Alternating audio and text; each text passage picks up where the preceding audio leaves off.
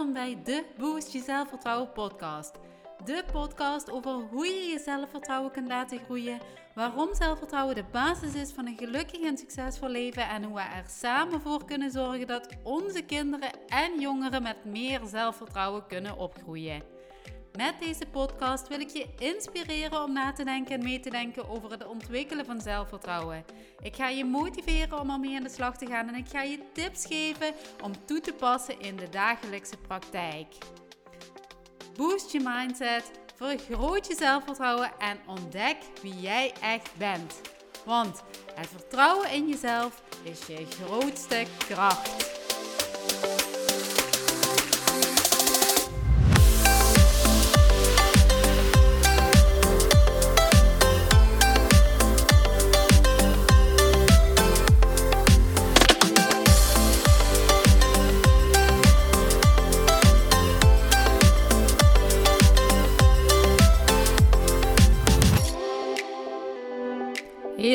Welkom bij weer een nieuwe aflevering van de Boost Je Zelfvertrouwen podcast.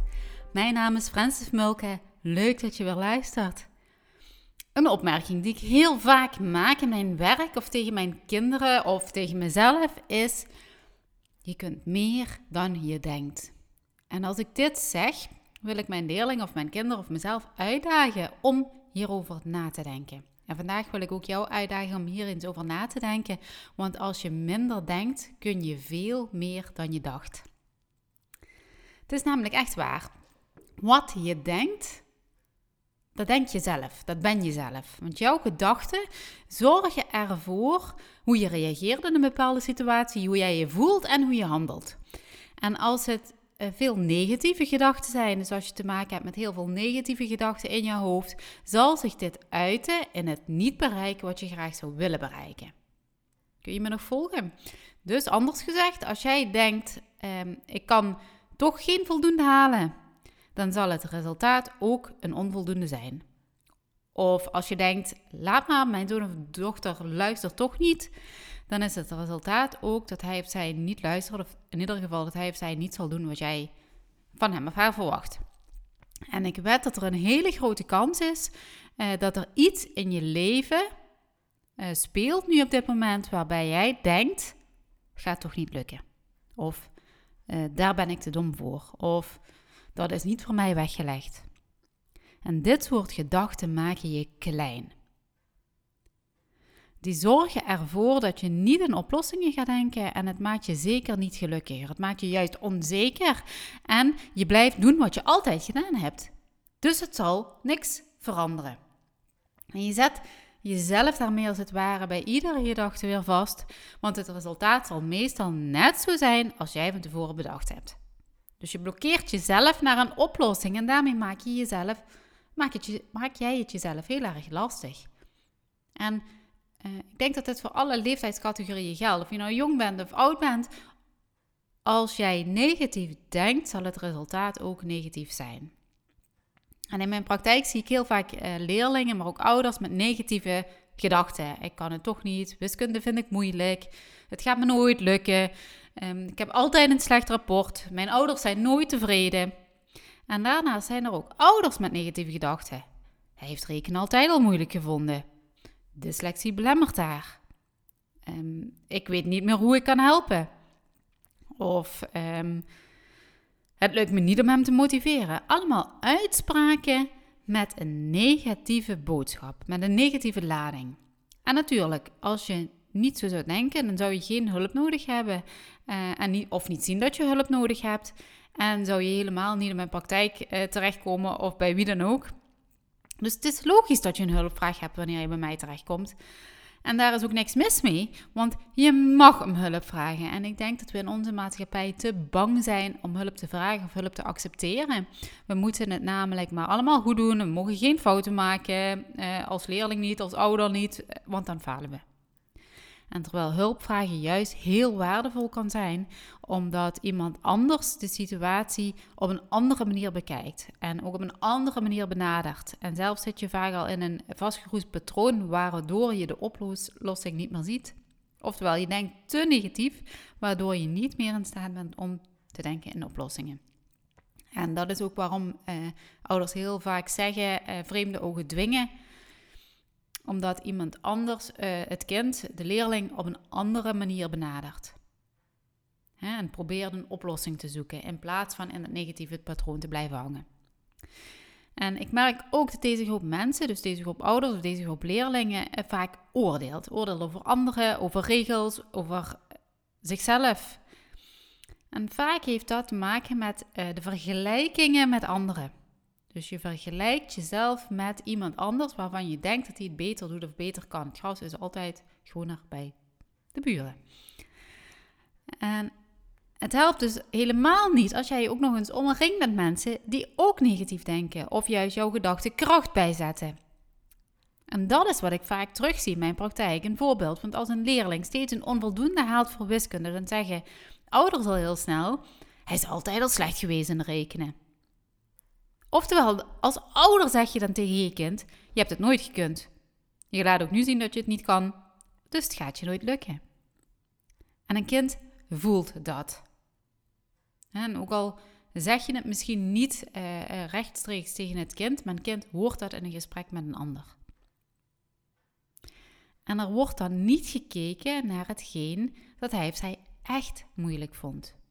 En zeker bij rekenen is het zo dat op een basisschool in de meeste gevallen de CITO-toetsen zijn afgenomen. En de CITO rekenen is vooral gericht op contextsommen.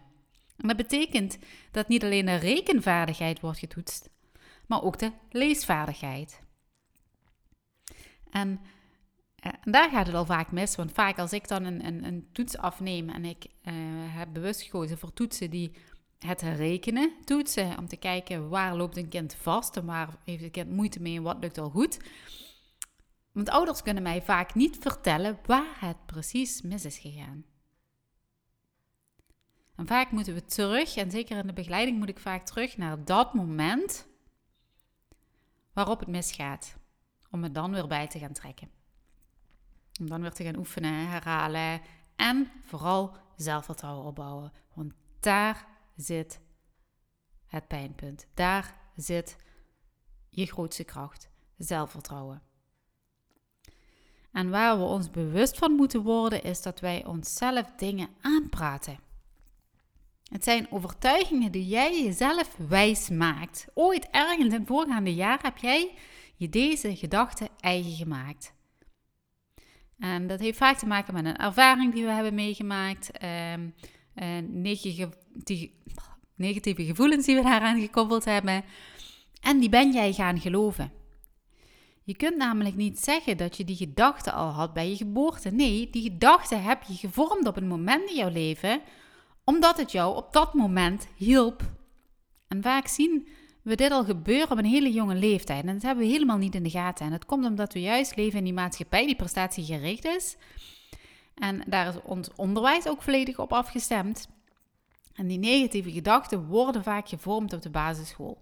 En ik heb al eens eerder verteld over emoties en dat het eigenlijk een soort bouwstenen zijn. Wanneer jij telkens een negatieve ervaring hebt, bij bijvoorbeeld rekenen, dan voel je daar een negatieve emotie bij. En hoe hoger deze stapel bouwstenen wordt, je raadt het al, hoe sneller die gaat omvallen. Je bouwt dus als het ware een negatieve lading op een bepaald thema, op een bepaald vakgebied, een onderwerp, een onderdeel, wat het ook mag zijn. En je gaat erin geloven. En denk maar eens aan een leugen. Een klein leugen dat je hebt gebruikt uh, om op dat moment niet erger te laten lijken. En iedereen gebruikt, gebruikt wel eens een leugentje om eigen bestwil. Dus, dus niet zeggen, ik, ik, ik gebruik dat nooit, dat, dat geldt niet voor mij. Want iedereen gebruikt wel eens een leugentje om eigen bestwil, hoe klein dan ook. En ehm, misschien herken je het bij jezelf, misschien herken je het ook wel bij een ander, maakt even niet uit. Maar als dat leugentje je een goed gevoel geeft, dan ga je het nog eens gebruiken. En nog eens. En dat goede gevoel zorgt ervoor, dat is een veilig gevoel, dat je op enig moment in je eigen leugen gaat geloven. Het is namelijk jouw waarheid geworden. En zo werkt ons brein nou eenmaal. En wat ik jou in deze aflevering duidelijk wil maken, iets dat je uh, niet moet vergeten, is dat, jou, dat het jouw gedachten zijn. Jouw leugens, jouw ervaringen, jouw wereld, jouw overtuigingen. Ze lijken voor jou allemaal waar. Maar is het ook de waarheid? kun je je voorstellen dat iedereen zijn eigen gedachten heeft gevormd, ooit ergens een keer. Allemaal als zijn of haar eigen waarheden, zijn eigen overtuigingen. En dat is ook de reden waarom dat iedereen uh, de wereld anders beleeft. En daarom hebben we discussies, begrijpen we elkaar soms niet en in het ergste geval respecteer je die ander daardoor niet. En dat geldt voor iedereen. Dat geldt voor jou, dat geldt voor je kind, dat geldt voor je ouders, vrienden, familie, noem maar op. dus iedereen heeft zijn eigen perceptie van de werkelijkheid. Is, die, is het de waarheid? Laat ik even in het midden. Of is het de waarheid die jij gevormd hebt? En ik merk al heel vaak bij kinderen eh, van, een van de basisschool of middelbare school, maakt even niet uit, dat zij bepaalde ervaringen hebben gehad die ervoor hebben gezorgd ehm, dat het een negatieve lading heeft, dat een bepaald onderwerp een negatieve lading heeft. Die hebben gezorgd voor negatieve emoties, dus negatieve gedachten eh, brengen die met zich voort. En het maakt niet uit hoe jong die leerling is. Er zijn zelfs al kinderen in groep 3, dus kinderen van 6 of 7 jaar oud met deze negatieve overtuiging, deze negatieve gedachten vanuit een ervaring. En het ene kind is daar ook nog eens gevoeliger voor dan het andere kind. Maar uh, de gedachten zijn er wel. En stel je eens voor dat zij de rest van hun leven dit met zich meedragen. Dus die negatieve overtuigingen die ze hebben opgedaan, die nog een keer herhaald is, wat een vast patroon wordt in jouw leven. En die neem je mee, mee in de rest van je leven. En dat is ook de reden waarom ik er volledig van overtuigd ben dat zelfvertrouwen jouw grootste kracht is. Omdat je, omdat je met zelfvertrouwen leert om positief te denken in plaats van negatief, maar anderzijds ook leert omgaan met die mislukkingen en die tegenslagen. Vaak worden deze negatieve gedachten al gevormd op hele jonge leeftijd. Dat is zonde. Want zeker als je jong bent en je hebt nog een heel leven voor je, is het zonde dat jij je zo laat belemmeren door negatieve gedachten en niet meer gaat denken in oplossingen. Want op deze manier leer jij jezelf nooit echt kennen. En met deze insteek begeleid ik dan ook mijn leerlingen en ik moet heel vaak tegen een leerling zeggen: Je moet, ik, ik zeg dat heel vaak tegen een leerling, je kunt echt meer dan je denkt. En dat is de absolute waarheid. En daarmee wil ik niet alleen kinderen een goed gevoel geven, want zodra kinderen weer in zichzelf gaan geloven en weer gaan strijden eh, en, en gaan zoeken naar een oplossing, dan komt die kracht terug. Want dan vinden ze de kracht terug om weer te willen leren. En uiteindelijk zal het weer een voldoende gaan halen. En dat zorgt weer voor een succeservaring en dat geeft weer een stukje basis in het zelfvertrouwen. Dus het is stap voor stap. En dat geldt ook voor ouders, want zij hebben vaak ook negatieve gedachten ontwikkeld. Of over zichzelf, eh, want zijn, ze zijn ook eenmaal opgegroeid en ook met negatieve gedachten opgegroeid. En eh, daarnaast door de ervaringen eh, van je kinderen. Het kan ook zijn dat je als ouder ook gaat denken dat je zoon of dochter het niet kan. En ik wil je als ouder, ehm, als je ouder bent, dan ook hierin zo van na laten denken. Want wanneer jij als ouder het geloof in je kind verliest, dan verliest het kind ook het geloof in zichzelf. Terwijl het echt tot meer in staat is dan het op dat moment laat zien. Kinderen moeten daarin nog gevormd worden, hebben nog die basis nodig. En het maakt niet uit hoe oud ze zijn. Maar ze hebben een bepaalde sturing nodig. Ook een puber heeft nog sturing nodig. Ze hebben allemaal goedkeuring nodig van hun ouders. Ze hebben allemaal grenzen nodig. En als jij als ouder alleen maar boos wordt op jouw kind omdat het een onvoldoende heeft gehaald, zorg je er juist voor dat er negatieve gedachten ontstaan.